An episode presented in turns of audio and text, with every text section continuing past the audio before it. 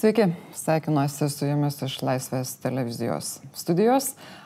Dėkui, kad remėt šitą televiziją. Noriu priminti, kad yra pats laikas paremti ir tiems, kurie dar neparemė, nes jau galite skirti mums 2 procentus savo pajamų mokesčio. Mūsų tema šiandieną yra tokia. Maždaug trečdalis Lietuvos žmonių norėtų turėti savo verslą ir maždaug tiek pat Lietuvos žmonių galvoja, kad tie žmonės, kurie užsima verslu, siekia naudos tik tai savo, bet ne visai visuomeniai. Kodėl turim tokį požiūrį, kas galėtų jį pakeisti ir kaip prie to galėtų prisidėti geresnės verslo sąlygos, kaip būtų galima jas pagerinti. Šiandieną studijoje pas mus yra Kotrina Stankutė Jaščiamskenė, Mariaus Sekulio fondo vadovė, Lukas Savickas, ministro pirmininko patarėjas ekonomikai, Juratė Cvilikinė, Svetbanko finansų instituto vadovė ir Emilis Ruželė, investuotojų forumo vyriausiasis politikos patarėjas. Noriu pradėti nuo ponios Juratės Cvilikenės. Jūsų institutas, jūsų bankė atliko apklausą, kuri ir įkvėpė surinkti jūs į šitą laidą. Ir ta apklausa sako, kad Daugiau negu trečdalis žmonių, tai yra 38 procentai, norėtų turėti savo verslą. Kas yra tie dalykai, dėl kurių žmonės norėtų nustoti dirbti kitam ir pradėti dirbti savo pagrindiniai dalykai? Atliekame šitas apklausas ne vienerius metus, todėl galiu jau sakyti tokią bendrą tendenciją, kurią matome nuo 16 metų, maždaug formuojasi Lietuvoje vis daugiau žmonių savo verslui, kaip paskatai nori turėti nepriklausomumą nuo darbdavio. Tai yra patys spręsti, kada dirbti, kur dirbti, kiek dirbti ir derinti tai su šeimos gyvenimu ar su pomėgiu um, savo kažkokiu uh, įgyvendinimu. Tai yra vienas dalykas. Antras labai svarbus, tie, kurie svajoja apie verslą, jie galvoja, kad jiems tai pavyks daugiau uždirbti pajamų E, kai tuo tarpu tie, kurie jau yra versle, e, nėra tokie optimistiški pradžioje. Na ir savo idėjų realizavimas, įgyvendinimas tai yra trys tokie aspektai, kurie lietuviams yra labai svarbus. Ir ką mes stebėjome seniau, kad e, tas lankstus darbo grafikas buvo gerokai svarbesnis estam ir latviam negu lietuviam, tai jis vis labiau tampa aktualesnis ir kyla į pirmas vietas lyginant su finansinė paskata. O kas yra pagrindiniai dalykai, kurie atbaido žmonės nuo to, kad jie pradėtų savo verslą? Tai dažniausiai apie verslą svajoja jaunimas, na, maždaug 29-35 metai, tai yra tas laiko tarpas, kai dažniausiai pagal statistiką verslus pradeda žmonės. Pradinis kapitalas yra vienas svarbiausių aspektų, kurio trūksta ir, ir žmonės nelabai žino, kaip jį sukaupti, skolinasi iš artimųjų, naudoja santaupas, tai tam prireikia laiko. Biurokratija. Biurokratija yra, sakykime, prieš porą metų buvo pagrindinis stabdantis kriterijus, tai yra neaišku, nesuprantama, painu, kaip atlikti, kaip vykdyti verslą, apskaitos dalykai, kurie keičiasi nuolatos, labai trikdo ir mokestiniai dalykai, kurie keičiasi. Uh, nuolatos irgi labai trikdo. Ir turbūt trečias dalykas, lietuviai pripažįsta, kad jiems trūksta žinių, pasitikėjimo savimi, laiko įsigilinti į dalykus. Noriu paklausti Kotrinos. Jūsų fondas startuoja su 3,5 milijono eurų, ar ne, kuris tie pinigai bus skirti žmonės, nežinau, sugražinti, atvežti, parvežti, kitaip padėti, e, pradėti verslą Lietuvoje. Į ką jūs labiausiai orientuojatės? Ar į paaiškinimą tų biurokratinių pinklių, ar tiesiog uh, įmonių steigimą? Kas yra jūsų veiklos tikslai ir apskritai, kodėl tas fondas atsirado? Fondas atsirado iš idėjos kilusios Marijui Jakuliui Jason ir jo žmonai Lyzai. Marius 92 atvyko į Lietuvą, jo, jo istorija, jis savęs Amerikos lietuvių nevadina, nors ten praleido visą gyvenimą dirbdamas teisininku. Gimęs pakeliui Amerikos. Jo, jis gimęs pakeliui Vokietijoje, pabėgėlių stovykloje. Ir 92 atvykęs jis pamatė, kad visgi, na, kad ir kaip New Yorkas ir tada ir šiandien atrodo kaip na, tas didysis obolys su daug galimybių, kad Lietuva visgi turi labai daug galimybių ir galbūt uh, tenais, suprantant, ką reikia daryti šaly, kur dar nieko nėra, bet ir buvo jo pranašumas, jis su partneriais e, e, išvystė daug, sakykime, verslų, tiek, tiek investicinių, tiek nekilnojamo turto, tai, tai tokie ženklai kaip Kempinski, Radisson, Astorija ar, ar, ar Erudito licėjus Vilnius International School. Tiesiog su, sukūrė tą kapitalą ir šiandien dienai, šiandien kaip tik jis švenčia gimtadienį ir jam yra virš 70 metų ir tiesiog galvoja, vat, na, Ką čia pasidovanoti? Ką, ką čia Padovanosiu fondą už 3,5. Lietuvai. Tai, tai jis ir sako, kad visą tą laiką aš šiaip kaip verslininkas stengiausi kurti Lietuvai, mokėti mokesčius Lietuvoje, investavau savo kapitalą, čia perinvestavau e, į švietimą, investavo privatų, sakykime, kur matė, kur galima e, padaryti pokytį, e, bet galvodamas, na, vėlgi, gyvenimas nėra amžinas ir visada svajojo sukurti fondą, kuris po jo tęs na, sakykime, tuos darbus pradėtus, tai yra į Lietuvos ateitį. Ir, na, kas kūrė Lietuvos ateitį, tai kaip ir verslininkai, tai kuria žmonės. Tai, tai verslininkas yra žmogus ir jis mokėdamas mokesčius, kurdamas darbo vietas, kurdamas idėjas ir gebėdamas jas įgyveninti, e, jisai kūrė Lietuvą. Tai čia, man atrodo, daug kas tą supranta. Aišku, ta, tas procentas, kuris sako, kad tas, tas verslininkas vis dar toks gviešiasi tik savo kažkokios vertės, jis kinta per, per tą laiką. O, o paties fondo kryptis e, e, yra trys. Viena investuoti į, sakykime, atvykstančius, grįžtančius e, akademikus, mokslininkus, tai yra padėti universitetam mokėti jiems didesnį atlyginimą, kad jis būtų konkurencingas Europoje, sakykime, bent jau su Danija, Olandija, Škotija galėtume, Prancūzija konkuruoti, JAF jau ten moka dar aukštesnius atlyginimus, partneriai visi universitetai labai džiaugiasi, E, tada yra kitas, kad, vat, kaip, kaip jūs minėjot, kartais grįžtantys žmonės ne visada žino, iš kur gauti pinigų, nebūtinai nori banko paskolos ar verslo angelai, ne visada, venture capital ne, nebūtinai yra tikslinis a, kanalas, tai sakykime, prisidėti prie tų žmonių a, na, pirmų žingsnių, nežiniomis galbūt, bet kapitalų būtent, e, nes aš tikiu, kad Lietuvoje tiek versli Lietuva turi labai puikių um, įrankių ir, ir, ir žinių centrą, kaip tą daryti, tik ne visi žino, kad ten reikia kreiptis. Uh, E, ir trečias, siūsti lietuvius į to pasaulio universitetus tam, kad jie pasisemtų magistro studijose e, geriausių žinių ir grįžtų čia bent penkiem metam darbuotis e, Lietuvai kurt. Aš noriu paklausti Emilio Ruželės. Pagal mano kolegos žurnalisto Ryto Staselio užsakytą apklausą, kurią atliko Baltijos tyrimai, pagal tą apklausą matome, kad trečdalis šalies gyventojų mūsų negerbė užsiimančių verslu. Ir uh, jie sako, irgi maždaug trečdalis, kad, kad verslas rūpinasi tik tai savim, tik tai savo pelnu ir visiškai neprisideda prie visuomenės gerovės, tarsi jie nemokėtų mokesčių, kurie patektų į biudžetą, iš kurio ta visuomenė paskui naudotųsi tam tikrų viešuojų gėrių. Kaip jum atrodo, kodėl Lietuvoje dar yra pakankamai gajus toks požiūris? Plati savoka verslas, aišku, visų pirma, bet aš tai turbūt sakyčiau, 20 amžiaus pradžioj e, būti amatininku arba dar blogiau priekybininku baisiai gėda buvo Lietuvoje. Turi būti ūkininkas, žemę dirbti. Tai šiek tiek turim nuo tų laikų gal likusių dalykų. 90-ieji buvo nuotikingi, E, irgi paliko ne pačių galbūt randų, ne pačių geriausių patirčių ir tai natūralu. Bet e, kai kalbam apie šiandien, turbūt verslas savoka yra per daug plati, nes nu, yra labai įvairaus verslo. Yra verslo, kuris gauna kilintus metus iš eilės, yra toksai indeksas reputacijos verslo. Thermo Fisher Scientific gauna indeksą. Tai kažkodėl jie gauna, kiti negauna. Didžiulė, didžiuliai skirtumai. Ir kaip rūpinamasi darbuotojais, ir kaip uh, ir kaip e, aplinka rūpinamasi, kaip, kokie produktai gaminami, mokesčiai mokami. Yra įmonės, kurios garsiai kalba apie tai, kad yra skaidrios, nu, baltoji banga iniciatyva. E, ženklina savo produktus, giriasi, pasakoja, kad jie yra skaidrus. Tai čia yra dalis ir pačio verslo atsakomybės sakyti, kad mes esame kitokie, jeigu esame kitokie, reklamuoti.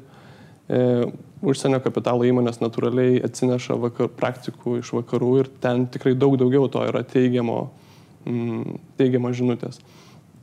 Tai čia visų atsakomybė, o tas požiūris, na, jisai keičiasi po truputį.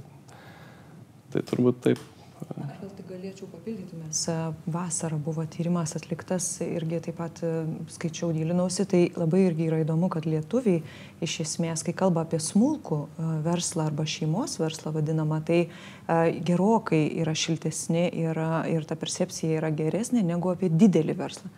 Tačiau paklausti, kuriame norėtų dirbti, didžioji dauguma norėtų jungtis prie galingų a, užsienio kapitalo įmonių ir tarsi taip sustiprinti save. Tai irgi tokį, tokią paradoksalią turime situaciją kartais Lietuvoje. Viena yra opinija, tačiau veiksmai a, kiek kitokie, kai kalbame apie mano pasirinkimą, kaip darbdavio pasirinkimą. Na, e, jau girdėjom laidoj, kad vienas iš dalykų, kuris atbaido, e, objektyviai atbaido nuo verslo ir ne tik atbaido, bet ir trukdo tiems, kurie bando jį pradėti, tai yra biurokratijos pinklės. Ir čia noriu paklausti Luko Savicko. Taip, Lietuva kyla Doing Business indekse, yra įvairių kitokių teigiamų ženklų, tačiau ar jūs pats vertinate tą situaciją, kuri yra dabar, ar jinai yra gera, ar jinai galėtų būti dar geresnė? Na, tarkim, ne dešimt įvairiausių mokesčių ar ten kitokių dalykų reikėtų susitvarkyti, norint pradėti verslą. Kitaip tariant, Kas turėtų būti, kad jūs sakytumėt, viskas, būdamas prie šitos vyriausybės, aš padariau viską, ką norėjau? Tai iš tikrųjų klausimas toksai, kuris man asmeniškai yra labai aktualus. Aš kiek esu, man atrodo, grįžęs į Lietuvą po studijų, kiek čia dirbu skirtingose darbuose, tiek mano pagrindinė tema yra, kaip, kaip padaryti mūsų verslo aplinką maksimaliai draugišką verslui, konkurencingiausią regione. Ir vienas iš pagrindinių e, argumentų, dėl ko aš sutikau dirbti šioje vyriausybėje, tai buvo tas užmojis labai iškus, kad e, mūsų verslo aplinka turi tapti konkurencingiausia regione.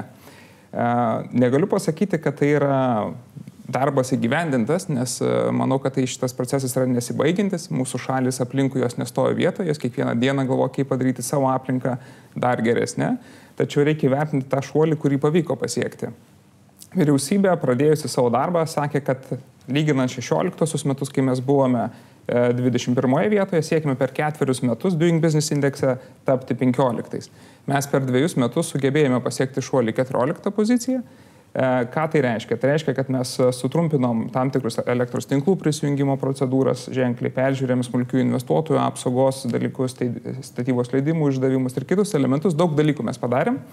E, ir būtent šitas indeksas labai objektyviai vertina, e, žiūri į faktus, į trukmes į procedūrų kiekį, tačiau neklausia nuomonės apie tai, kaip patys, sakykime, verslininkai ar konsultantai, kaip jie vertina tą aplinką. Ir mes dažnai matom, kad kituose indeksuose, kurie, pavyzdžiui, ekonomikos forumo konkurencingumo indeksas, jisai jau klausia nuomonės faktorių, nuomonės faktorius mus šiek tiek numeta į, į prastesnės pozicijas. Tačiau doing business mes esame pirmieji regione ir turime dar visą eilę dalykų, kuriuos turėtume sustvarkyti. Ir manau, kad čia reikia pripažinti, kad e, tai nebėra tokie greitai pataisomi dalykai, tai yra sisteminiai, ilgalaikiai pokyčiai, kuriuos reikėtų pradėti. Ir mes e, dėl to pradėjome nuo socialinio dialogo, nuo pokalbio su darbdavių organizacijomis, penkiomis e, darbdavių organizacijomis, taip pat įtraukėme profesinių sąjungų organizacijas ir kėlėm klausimą, kokie yra ilgalaikiai šalies pažangai būtini pokyčiai dėl kurių mes turime susitarti. Mes tam tikslui pasirašėm susitarimą, didelė dalis to apima labai plačias laukus. Tai, kas buvo pristatyta kaip e, pradėtos struktūrinės reformos švietimo srityje, sveikatos apsaugos srityje, inovacijų, mokesčių pertvarkos, visi šitie dalykai iš tikrųjų kūrė tuos ilgalaikius pokyčius, kurių naudos mes negalime pamatyti kitame indekse, kurį bus paskelbtas neužilgo, ne, bet tai bus dalykai, kurie nulems tos, sakykime, jau ir požiūrį, ir ilgalaikius mūsų pozicijas tuose skirtingose indeksuose. Tai sakyčiau, dar yra daug darbų, bet per du metus pavyko tikrai pasiekti nemažą pokytį. Bet kadangi jūs, kaip ir paminėjot, skiriasi tai, ką rodo vienas indeksas nuo nuomonės investuotojų vertinimų, tai noriu ir paklausti, Emilio, kas yra pagrindiniai tie dalykai, kurie bloškia jau į žemesnę lentelės vietą? Ja, mes turim ketvirtinį indeksą, kuris matuoja nuomonę lūkesčius investuotojų, tai taip paskutinį ketvirtį ženkliai nukrito, bet tai iš tiesų labiau yra susijęs su rinkimų sezonu, su kai kurių politikų labai neatsargiais pasisakymais apie šiaip verslą bendrai, kurie tikrai daro žalą, bent jau trumpalaikę. Tai šito tikrai reiktų atsakingiau politikam kalbėti kartais, ne ar kartais, o visada. Pona Jekeliūną ar dar ką nors? Daugiau tų atvejų buvo, tikrai ne vienas. Tai, tai čia indeksas labiau rodo tą tokį gal momentinį efektą. Bet mes prieš metus beveik įteikėm vyriausybei šimtą pasiūlymų investicinės aplinkos gerinimo. Tai pasižiūrėsim tiksliai, bus kovo mėnesį susitikimas. Geriausiu atveju apie pusę bus įgyvendinta, tai puiku, darbai padaryti kai kurie, bet dar tikrai yra kur padirbėti. Ir tas pats indeksas, jeigu įvardina sritis, į kurias koncentruotis, migracija numeris vienas, švietimas. Dvi temos kurios tikrai dar yra kur padirbėti, tai fondai puiku, kad padės ir mokslininkam, ir darbuotojams kvalifikuotėm atvykti į Lietuvą, yra ir vyriausybės iniciatyvų, bet pats požiūris ir administracinė prasme dar daug yra kliučių, barjerų pridėta, kurie nu, tikrai, tikrai apsunkina žmonėm atvykimą, o mes turime tapti atviresni. E, atsidaro naujos įmonės Estijoje, kur iš 40 valstybių atvažiuoja žmonės dirbti. Tai čia nereikia galvoti tik tai apie kaimynus aplink esančius. Pasaulis didelis. O švietimo, na, aktualios jau ir viešoje erdvėje daug laiko, verslo, verslo interesas, kad būtų paruošti darbuotojai tinkamai ir pačio tinklo optimizavimas, kur tikrai resursų yra, tai čia dvi temos, kuriamis dar yra kur padirbėti nemažai. Juratė, jūs lyginote duomenis, kaip jie kito, turiu galvoje ir žmonių požiūris, ir, ir lūkesčiai. Tai ar galima sakyti, kad kinta panašiai, kaip gerėja Lietuvos vertinimas, na, kad ir tam pačiam Doing Business indekse? Ar tokio tiesioginio ryšio negalima pasakyti iš jūsų tyrimų? Tiesą pasakius, noras užsiimti verslu paskutiniais keliais metais didėja keliais procentais. Tai yra teigiama tokia tendencija, bet ji yra labai porą procentų, keturiais procentais paskutiniu metu atsirado žmonių, kurie ketina arba norėtų užsimti verslu.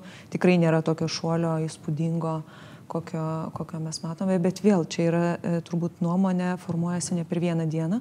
Yra daug mitų irgi gajų, tačiau a, kiek teko irgi a, apklausoje matyti komentarų, tai Kas labiausiai trukdo, tai yra tas būtent keitimas nuolatinis įvairių formų, apmokestinimų, mokesčių, nes darant smulkų verslą, e, dažniausiai tai yra, jeigu smulkų verslą kalbame vienas ar keli žmonės, tai labai sudėtinga įsigilinti į visus niuansus ir suprasti, kas kinta, todėl manau tikrai prireiks žymiai daugiau laiko, kol atsiras daugiau norinčių daryti tikrųjų norėjau sureaguoti.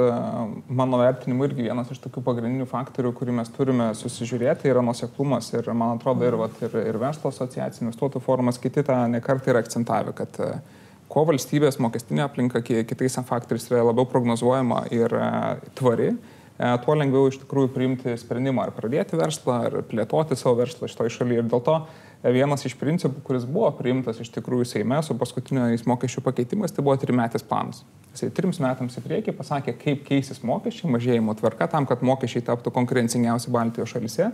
Ir mes tikimės, kad būtent tai bus pakankama prielaida, kuri, na, kurio tokį e, stabilumo, tvarumo, ilgalaikiškumo, prognozuojamumo jausmą ir tuo pačiu atlėpiam į tą norą paskatinti dar labiau žmonės pradėti savarankišką verslą arba bent jau savarankišką veiklą.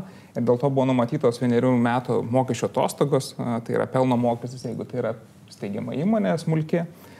Pirmą kartą arba tai yra vienerių metų socialinio draudimo įmokų atostogos, jeigu pirmą kartą žmogus pradeda dirbti su savarankiška veikla, tai yra tam tikri pakeitimai, kurie tikimės dar kuria ir finansinę paskatą, na, surizikuoti, pabandyti vis dėlto ir tą savarankišką veiklą.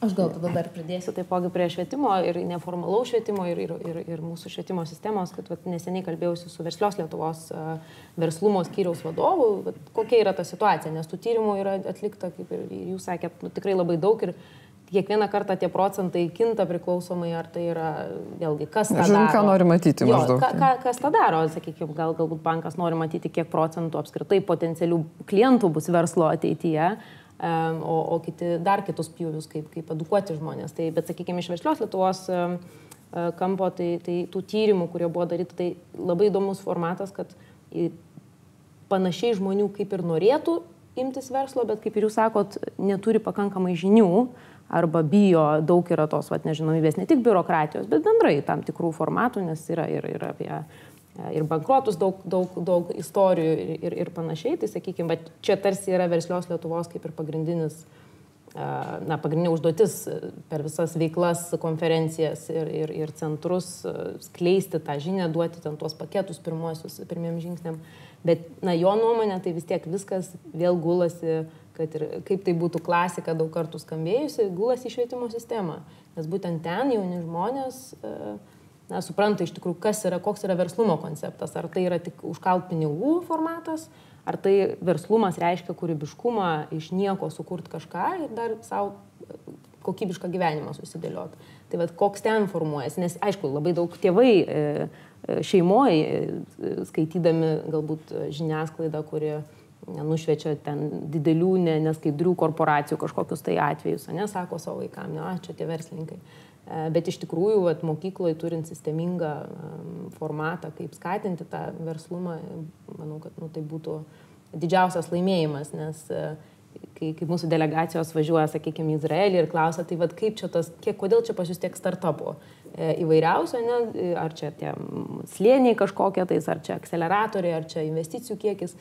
Sako, na ne, mūsų, mūsų mokyklose yra tas pagrindas pagrindinis, kur, kur sudedama į galvą, kad, kad tu gali daryti ir reikia tą daryti, o jau paskui žmogui ten susidėlioja tos visos um, situacijos. Tai visi tą žino, bet čia ir vėl ir vėl, kaip mes, kaip mes keisimės ir, ir, ir kada tas pokytis įvyks. Aš noriu iš kitų pašnekovų paklausti, ar jūs sutinkat, kad nepasikeis požiūris į verslą, kol nepasikeis uh, tas požiūris, kuris į verslą vaikams pateikiamas mokykloje, ne tik tai šeimoje. Aš turiu šiaip galimybę su vaikais apie verslą kalbėti kiekvieną savaitę, šiek tiek dėstau papildomai, tai, tai jo, požiūris tėvų labai labai daug lemia, bet aš vat net ir dabar kalbam bankrotas.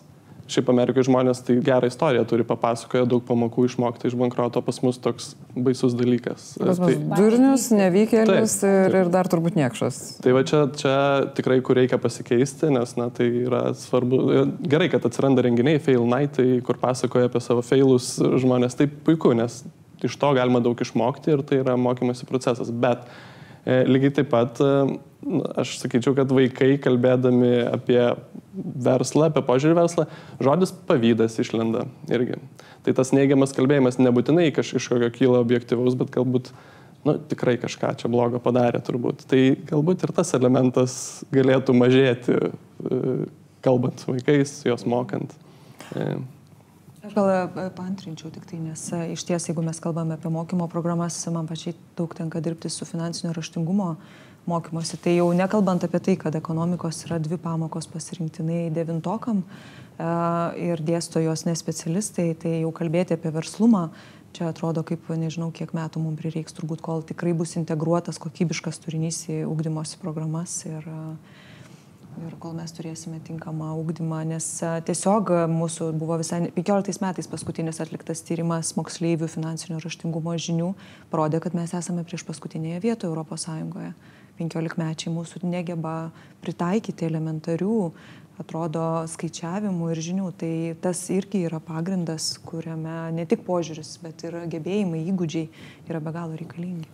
Aš dar tik tai gal čia vis tiek, kol valstybė save e, reformuoja, sakykime, ten kokiam Suomijom ar, ar, ar kur, į kurias mes žiūrim, prireikia daug metų, kad būtų tas rezultatas dabartinis. Tai sakykime, geriausiu atveju po dešimt metų turėsim kažkokį tais e, proveržį, bet tuo tarpu uh, Mes visi žinom, kad nesnaudžia neformalaus ūkdymo e, lyderiai ir, sakykime, toks, toks reiškinys ir organizacija kaip Junior Achievement jau turi apie nuo 93 metų veikianti ir nu, praktiškai tik verslininkų iš, išlaikoma organizacija turi apie 200 tūkstančių alumnių. Tai yra moksleivių, kurie perėjo per tas tokias akademijas, e, e, žaidimo formą, savo įmonių kūrimą ir, ir na, tas rodo, kad potencialo labai daug, nes bent jau gauna praktiškai pabandyti tų, tų dalykų, o verslininkai kartu, na, vėlgi investuoja ne į konkurentus, o galbūt žmonės, kurie kritiškai, kūrybiškai masto ir galbūt bus jų darbuotojai, nebūtinai savo su, sukurs um, e, kompaniją. Tai čia dar truputėlį irgi prie tos filantropijos temos uh, ir, ir fondo, tai, tai ką, ką, ką kiekvienas realiai na, tiek labai plačiai investuojant uh, verslininkas gali daryti ir garsiai, Ir aš manau, kad kuo daugiau atsiras tokių vat, fondų, e, tuo bus geriau Lietuvai, todėl kad labai daug Lietuvoje žmonių tyliai tą daro. Vat, ir kaip tos, to, to vat, kažkokiu tokiu neformaliu ūkdymu tyliai duoda kažkam pinigų arba patys eina mo, mo, mokyklą, skaito kažkokias paskaitas. E, ir dėl to, kad galbūt ir bijo to, kad tos, nežinau, pavydo, kad vat, aš čia tiek daug pinigų turiu, čia kažką skiriu, kažkokio piaro galbūt noriu. E, daugiau daro tyliai tą e, ir, ir taip na, ne visada įkvepia žmonės. E, tai yra keli atvejai, kurie vis dažniau girdisi, nebijo žmonės to, bet sakykime, to labai dar trūksta Lietuvoje, to parodymo, kad verslininkas dalinasi ne dėl to, kad jo logo kažkur uždės, bet dėl to, kad nu, jam rūpi ta visuomenė. Ar yra uh, gerai, na, man atrodo, kad nėra gerai, kad tie dalykai daromi labiau tyliai negu garsiai ir kad nebūtinai visą laiką sulaukia ne tik pagirimo, bet ir paramos. Ir uh, noriu uh, Lukasą viską paklausti. Dirbat su vyriausybė, kurios, kurią suformavusios partijos rinkimų programoje yra tokių dalykų, kaip pavyzdžiui, parengti alkoholizmo ir narkomanijos prevencijos programas darželinukams. Ar yra kokiu nors planų parengti panašių dalykų šviečiamųjų edukacinių, kalbant apie verslą? Tai, ir kur jie yra, jeigu tai, jie yra? Tai iš tikrųjų, aš tai galėčiau pritarti ir pašnekoms prieš tai pasisakiusiems, kad finansinio raštingumo integravimas ir į kitą kokybę atnešimas į švietimo įstaigas yra vienas iš tų klausimų, kuris yra didelėje, sunkiai iškomunikuojama dėl savo apimties švietimo reformoje. Vienas iš jos elementų yra būtent bendro ūkdymo transformacija ir vienas iš to elementų yra finansinio raštingumo integravimas ir kitas kokybės pakelimas. Su kuo mes kalbamės ir ką mes bandom patraukti, suprantam, kad tikriausiai yra nelabai daug į, į ką atsispirti pačiose mokyklose, bet tai mes kalbame smarkiai ir su Lietuvos banko asociacija, su, kitai, su kitais verslo atstovais, su verslo lyderiais, kurie galėtų būti tam tikra, galbūt pradžiai nuo, nuo formalaus ūkdymo e, integravimo e, per skirtingas e, skatinam iniciatyvas, tas pats Junior Achievement ir, ir vyriausybės rūmuse dažnai pristato savo, savo įvairias verslumo savaitės ir, ir, ir renginius ir, ir bandome ir per neformalų, ir per socialinius elementus, kas gali duoti apčiuopiamus rezultatus jau šiandien labiau, bet to pačiu darom ir sisteminį pokytį. Jį pasiekti yra sunku, jisai tikrai užtruks, sutinku, mes negalime tikėtis dramatiško greito pokyčio, bet jisai yra vykstantis ir tikimės, kad e, tuos vaisius mes pamatysime, aišku, vidutiniu laikotarpiu. O Dabar, ką jūs vadinat vidutiniu laikotarpiu? Nes pirmą minėjot, kad tai. tie, kurie buvo galimi greitai padaryti, jau yra padaryti, mhm. o jau tie kiti, pinklių tų mažinimas, biurokratijos tai. ir įvairių dalykų greitai nepasidarys. Bet apie kokį laikotarpį mes kalbame? Tai aš kaip tik sakyčiau, kad biurokratinių pinklių mažinimas jisai dar saliginai yra greitas. Aš sakyčiau, kad mes tikrai galime greitai sumažinti procedūrų skaičių, mes galime greitai sutrumpinti procedūros trukmę. Tačiau e, sukurti... Tai kodėl taip ilgai trunka greitai sumažinti procedūrų trukmę? Tai čia ginčičiausi, nes manau, kad tie indeksai, apie kuriuos mes kalbam, kurie įrodo mūsų šuolį tą per du metus, kad ir doing business pasiekta, tai būtent ir yra dėl tinklių, tų biurokratinių pinklių sumažinimo ir sutrumpinimo, jis būtent tą ir indikuoja. E, dabar, kur aš sakyčiau, kad tas vidutinis laikotarpis, tai aš tikrai atsispirčiau į 10 metų, manau, kad per 10 metų mes jau prognozuojam tam tikrą pokytį e, švietimo sistemoje, nes vis dėlto ir mokinys turi lipti savo pakopomis ir mokytas turi įgyti tas reikiamas kompetencijas. Tačiau vėl, e, manau, kad tas klausimas jis nėra vienpusis. Mes juk neįsivaizduojam scenarijaus, kur vis dėlto mes turime, kad visi e, mūsų, mūsų gyventojai kūrė savo verslus. Manau, kad natūralu, kad ir vat, puikus pavyzdys, kurį asmeniškai žinau, įmonės savininkas, ilgametis direktorius, vis dėlto pasirinko pasisamdyti savo direktorių, nes jam daug labiau patiko dirbti darbą e, kaip e, na, savo profesijos specialistui, o ne būti įstaigos vadovu, tai yra verslininku, nes tai yra visiškai kitoks visiškai kitokia kasdienybė. Bet jis sukūrė tą verslą prieš tai. Be abejonės, jisai turėjo kompetenciją sukurti ir pasirinkti. Tai. tai aš dėl to tikrai sakyčiau, mes turime strateginį tikslą sukurti E, vystyti kompetencijas ir žinias žmonių apie finansinį raštingumą e, ir požiūrį verslą ir jo gebėjimą pasiryšti daryti savo verslą, turim sukurti sąlygas, kurios tam yra draugiškos ir tinkamos, tačiau žmogus tikrai rinksis. Jisai rinksis, ar jisai nori būti verslininku ir manau ir žiūrint ir kitas šalis, mes irgi matome, kad kiek 30-40 procentų žmonių sako, kad norėtų daryti savo savarankišką verslą, o pati darbo rinka yra kintanti. E, tikrai pasižiūrėjus šiandien po modernius biurus Vilniuje ar, ar Kaune, ir sąlygas, kuriomis dirba, apie nu, darbą nuotoliniu būdu, apie darbą iš namų, apie darbą lankščių grafikų, jau mes matome, kad ir ta tipinė, tipinė darbo diena biure jau yra kitokia. Bet jeigu mes pasižiūrėsim ne į tipinį uh, naują biurą Taip. Vilniuje ir Kaune, o regionuose, ką mes ten pamatysim, ar panaši situacija, kuri uh, leidžia žiūrėti taip optimistiškai, ar jinai nėra tokia džiuginanti, Emilija? 2017 metais aš paskutinį Invegos tyrimą mačiau, e, kuriame buvo labai panašiai. 29 procentai, man atrodo, mm. klaustųjų teigia, kad norėtų pradėti verslą didmeščiuose ir 28 regionuose. Ir, ir tas maloniai nustebino, sakyčiau, nes labai panašios, reiškia, tendencijos. Tai tikėtina, kad uh, E, ir grįžtantis e, emigrantai grįžta į, savo galbūt gimtasias vietas ir girdime vis daugiau tų gerųjų istorijų, kaip sukuria verslą ir regionuose. Jo lab, žinoma, kai mes kalbame apie didžiosius miestus, tai vėl yra visai kita aplinka, tačiau ir kainos, pavyzdžiui, nuomotis būstą, kai mes žinome, kad verslas yra pagrindinis dviejose sektoriuose, tai yra paslaugos ir prekyba maždaug vienodai, tai tiek tam, tiek tam verslui reikia patalpų ir, ir galima tikrai, manau, iškėlus savo verslą, kad ir nedaug už didžiųjų miestų, turėti gana sėkmingą verslo modelį. Šiek tiek papildydamas, jeigu galiu, mm. norėjau pasakyti, kad yra labai įdomus pavyzdys, kur, sakykime, nu, dažnai tenka vykti su premjeru į mažesnius Lietuvos miestus ir tipiškai praktiškai kiekvienos išvykos metu mes aplankom vieną, du verslus regionuose ir koks įvaizdis yra tenais kad tai yra žmonės, kurie yra tikrai bendruomenės ir to regiono ir to miesto lyderiai aplink kuriuos tikrai sukasi ir bendruomenė, aplink kuriuos sukasi didelė dalis ir socialinių iniciatyvų tam mieste. Tačiau ko trūksta iš tikrųjų, vat, e, vat pavyzdys, man atrodo, pirmaisiais mūsų metais teko regionus lankyti įmonę, virš šimto darbuotojų, planuoja plėtrą, tačiau plėtrai neranda galimybių save finansuoti, nors turi 2-3 metus eilę laukiančių klientų jų paslaugų.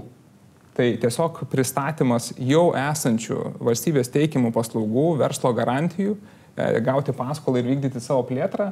Jau šiandien mes turim tą plėtrą vykstančią, statybos vyksta ir, ir įmonė toliau auga. Tai man atrodo, kad kur mes tikrai turim stiprią atspirtį, kad tikrai yra verslių žmonių, mums reikia tikrai pagalbos komunikuoti jau esamus įrankius, nes jų yra tikrai daug ir įvairių, pritaikytų. Ir e, tuomet mes jau galim kalbėti ir apie požiūrio kaitą, ir apie, vat, jūs sakot, kuo skiriasi ta darbo aplinka regionuose ir, ir, ir Vilniuje Kaune. Tikrai regionuose jau yra tikrai aiškių lyderių, Intersurgical plėtra irgi vėl regionų miestą. Tai rodo, kad mes tą galime išvystyti ir užsienio investuotojų ateimas į regionus Mariampoliai 95 procentai lezo, naujoje akmenė, didelis e, bendro kapitalo projektas. Tai ta rinka ir į regionus ateina. Aš gal tik tai dar pridursiu prie, apie tą um, faktą, kad žm, grįžtantis e, žmonės iš užsienio lietuviai po, po daug ar nedaug metų um, noriai kūrė verslą, tai um, ir, ir, ir, ir taip ir ne, ir sakykime, labai priklauso, uh, kokiu, kokiu formatu išvažiavo, nes uh, tie, kurie išvažiavo, sakykime, per tą ekonominę krizę ir, ir arba, sakykime, dėl to, kad e, regione turėjo kažkokį, nežinau, ne, ne kažką vadovą e, ir norėjo laisvės ir, ir, ir daugiau užsidirbti, tai tikėtina, kad jie grįžtantis su ta ambicija, kad nu, man mažiau kas dabar vadovaus, bandys savo verslą sukurti ir yra labai šaunių pavyzdžių. Aš, aš pati šešis metus prieš darbuodamas šitam fonde darbavausi Global Senior Leaders profesionalų tinklė, tai mes nuolat gaudom ir stebėdavom ir apdovanodom tuos, kurie išdrįsta tą padaryti tam, vien dėl to, kad būtų vieša ir visi žinotų tą, tą sėkmės istoriją, bet, bet iš esmės yra labai gražių tų formatų, kur žmogus užsidirba kapitalą išvažiavęs užsienį, gal ir nelabai kvalifikuotų darbų, paskui jis perauga į kažką tokio kaip ir profesiją, sakykime, elektriko, žmogus turi eilę klientų skandinavų, čia, bet visada nori grįžti į savo regioninį miestą ir grįždamas jisai čia kūrė verslą, samdo žmonės, bet klientai yra skandinavai. Ir jis gyvena savo svajonę gyventi tėviniai, e, kurioje anksčiau gal būdavo sunku finansiškai. Ir kartu turi va tokį tarptautinį e, verslą. Tai ta migracija tikrai čia gali būti galimybė ypatingai šiandien dienai, kai, kai tas breksitas yra labai, labai uh, greitai įvyksantis formatas ir dabar irgi čia girdisi viešoje erdvėje, tai kaip mes čia priimsim tuos visus, kaip, kaip kokybiškai priimsim tos žmonės, tai tikrai viena iš esminių tikriausiai būtų žinučių, kad atvykit ir kurkit verslą, tiksliai informuoti apie visas galimybės ir, ir, ir, ir nurodant, kur žmonės gali gauti pagalbos savo, savo namuose regione jeigu meras su komanda susitvarkė šitą reikalą, e, arba, arba sostiniai.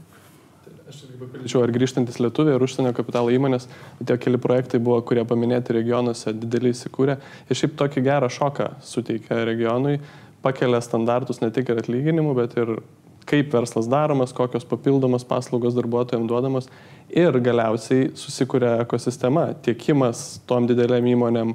Tai po to vietinis verslas supranta vertę to ir po kurio laiko jau tikrai teigiamai priema, nors pradžioj dažnai būna tokio, e, na, baimės galbūt, kad čia nuvilios darbuotojus mano tvarka, kuri buvo iki tol kažkokia galbūt kartais ir keista, sugriaus. Tai tikrai teigiamas poveikis ir grįžtančių lietuvių iš kitų miestų. Jo, daug, daug žinau pavyzdžių, kai mažesnius miestus grįžta, įkuria savo kavines, verslus. E, sujudina viską labai. Tai čia tikrai teigiama. Bet dabar, kai mes kalbam, tai iš tiesų girdžiu labai daug optimistinių dalykų, gerų iniciatyvų, finansinės paramos. Ir gali atrodyti, kad iš tiesų viskas yra labai gerai. Prieš, prieš keletą dienų buvo Visagine. Taip, tai yra labai specifinis Lietuvos regionas, negali sakyti, kad visur taip pat yra kaip tenai, bet, na, tokio optimizmo aš ten tikrai nepastebėjau ir to optimizmo trūksta ne tik tai Visagine, bet ir kitur. Tai iš tikrųjų, kas būtų tie du dalykai, pavyzdžiui, ką jūs kiekvienas norėtumėt padaryti, kad ir verslo aplinka pagerėtų, kad būtų lengviau pradėti verslą, jį vykdyti ir kad tuomet turbūt pasikeistų ir požiūris į verslaujančius žmonės. Kotrina. E, vienas svarbus momentas galbūt būtų mm, nacionalinės komunikacijos kampanijos didelės apie daryk savo verslą arba grįžk ir daryk savo verslą. Da, o, o antras? Su, su geriausiais pavyzdžiais.